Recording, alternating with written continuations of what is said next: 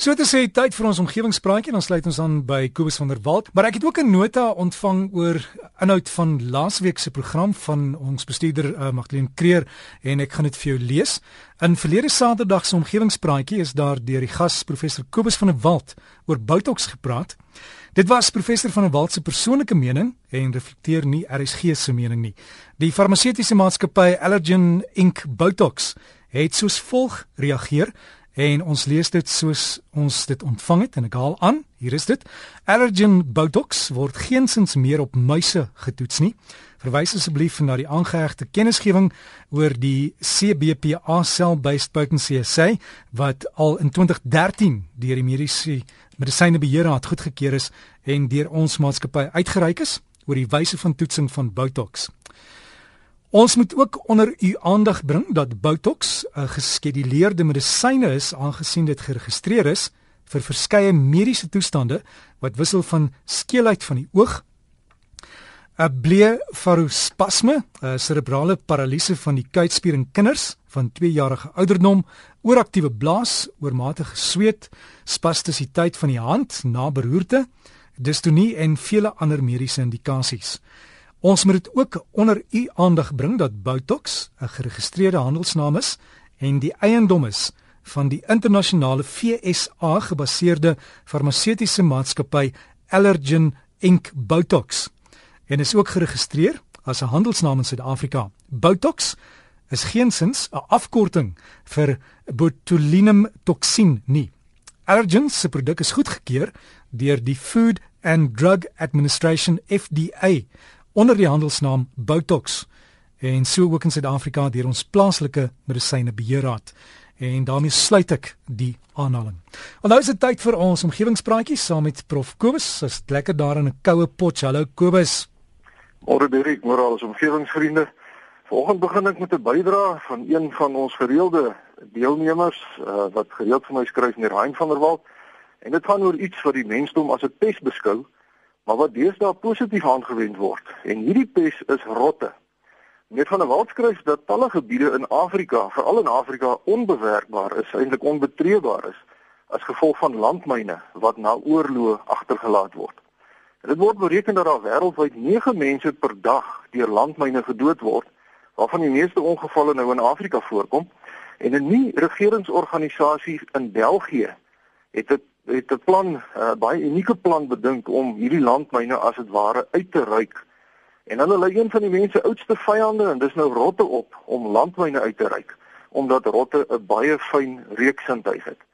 'n Rot kan 'n area van 200 vierkante meter in net 20 minute skoonmaak terwyl dit 'n span landmynveers so wat 25 uur sal neem om dieselfde taak te verrig.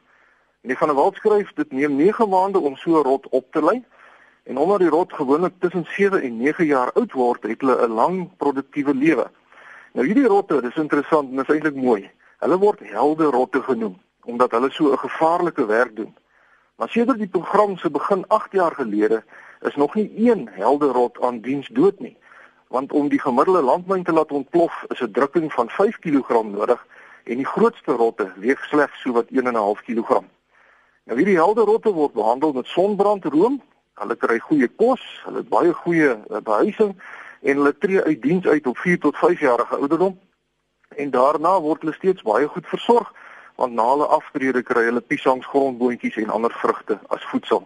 Is dit nou nie 'n mooi storie nie? Baie dankie meneer Hein van der Walt van Kofesa vir daardie interessante stukkie inligting.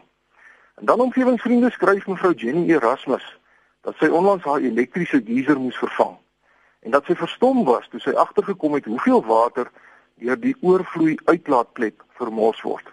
En sy het nou navraag gedoen by die maatskappy wat die geysers vervaardig en hulle het bevestig dat afhangende van die druk in die waterpype 'n gemiddelde geyser tussen 5 liter en 15 liter water per dag sal mors deur die veiligheidsklep. Nou sê sy sê dat indien hierdie vermorsing by alle geysers in ons land voorkom, verteenwoordig dit nou eintlik 'n groot volume water en ons kan nie bekostig om dit te verloor nie. En baie dankie vir die brief mevrou Erasmus. En dit is wel so dat 'n geyser 'n oorvloeiklep moet hê vir veiligheidsredes. Ehm um, so 'n mate van vermorsing is ongelukkig onafwendbaar.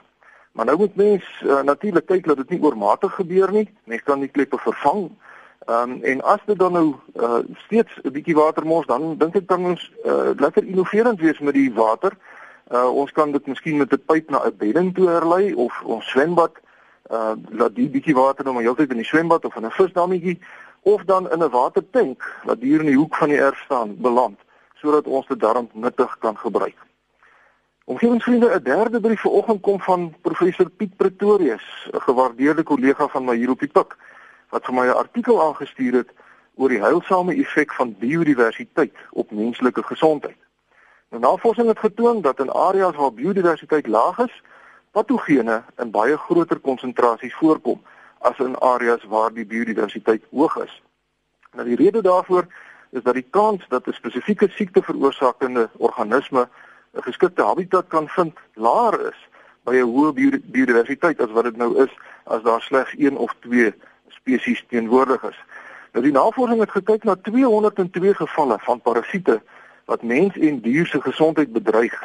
En as ons die resultate nou op die gemiddelde omgewingsvriend wat ver oggend nou na ons luister van toepassing maak, dan beteken dit eintlik dat daar as daar nou baie verskillende spesies in jou tuin teenwoordig is, jou blootstelling aan parasiete laer gaan wees. Professor Pretoria sê dit beteken eintlik dat ons nie ons sypaadjies moet skoffel of die bossies uit ons tuinbeddings moet uittrek nie en veral dat ons nie uitheemse spesies in ons tuine moet hê nie. Nou 'n brief wat hierby aansluit, kom van 'n omgewingsvriend wat anoniem wil bly.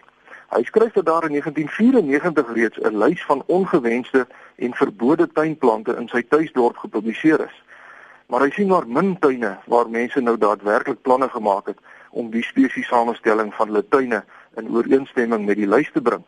En hy sê dit geld vir die regeringskantore se tuine en uh, selfs die plante in openbare parke. Hy sê die stadsraad het destyds uh, 'n uh, plan gehad dat mense nou 'n sertifikaat van 'n geregistreerde plantkundige sal moet bekom om te staaf dat daar geen onwettige of uitheemse plante in jou tuin is voor jy jou huis kan verkoop nie. Uh, soortgelyk soos wat mense deesdae nou 'n uh, sertifikaat van 'n elektriesien moet bekom as jy jou huis wil verkoop. Maar hy sê daarvan het daar ook tot op hede nou nog niks gekom nie. Baie dankie vir ons anonieme omgewingsvriend en ook professor Piet Pretorius vir die, die interessante inligting. En dan omgewingsvriende sluit ek vanoggend af met 'n brief van meneer Louis Bouwer van Pretoria wat uh, aansluit by die praatjie wat ek so 2 weke gelede gelewer het wat gehandel het oor paddas wat skynbaar lewendig in klipharde rotse gevind word. Hy skryf dat hy persoonlik dit al 2 keer in sy lewe gesien het. In 1948 was hy as kind woonagtig in die militêre kamp op Graham uh, Gramstad. Toe betonwerk by 'n swembad opgebreek moes word om 'n lekkende pyp te herstel. En hy sê toe 'n groot stuk beton deurgebreek is, het 'n spierwit wasagtige padda daar gesit. Hy sê die padda het 'n paar keer diep asem gehaal en toe net daar dood gegaan. Hy sê verskeie mense het dit ook gesien en hul daaroor verwonder. En die tweede keer was in 1969 toe meneer Bouwer, toe reeds 'n argitek, teenwoordig was toe 'n kelderverdieping van 'n gebou in Linwood in Pretoria uitgegrawe is. Hy sê ongeveer 'n meter en 'n half onder die oppervlak, amper in klipharde grond, is 'n padda weer eens bleek en wasagtig wit lewendig blootgestel. Hy sê die padda het ook net na 'n paar asemhalings doodgegaan. Die grond was klammerig, maar baie solied en daardie perseel was nooit voorheen versteur uh, of voor of sedert die stigting van die Linwood dorpsgebied nie en hy sê die bouvoorman wat dit ook gesien het meneer Koen Ryksen is nou ongelukkig al oorlede maar niemand sal hom oortuig dat paddas nie jare lank onder sulke toestande kan oorleef nie. Ja baie dankie vir hierdie brief.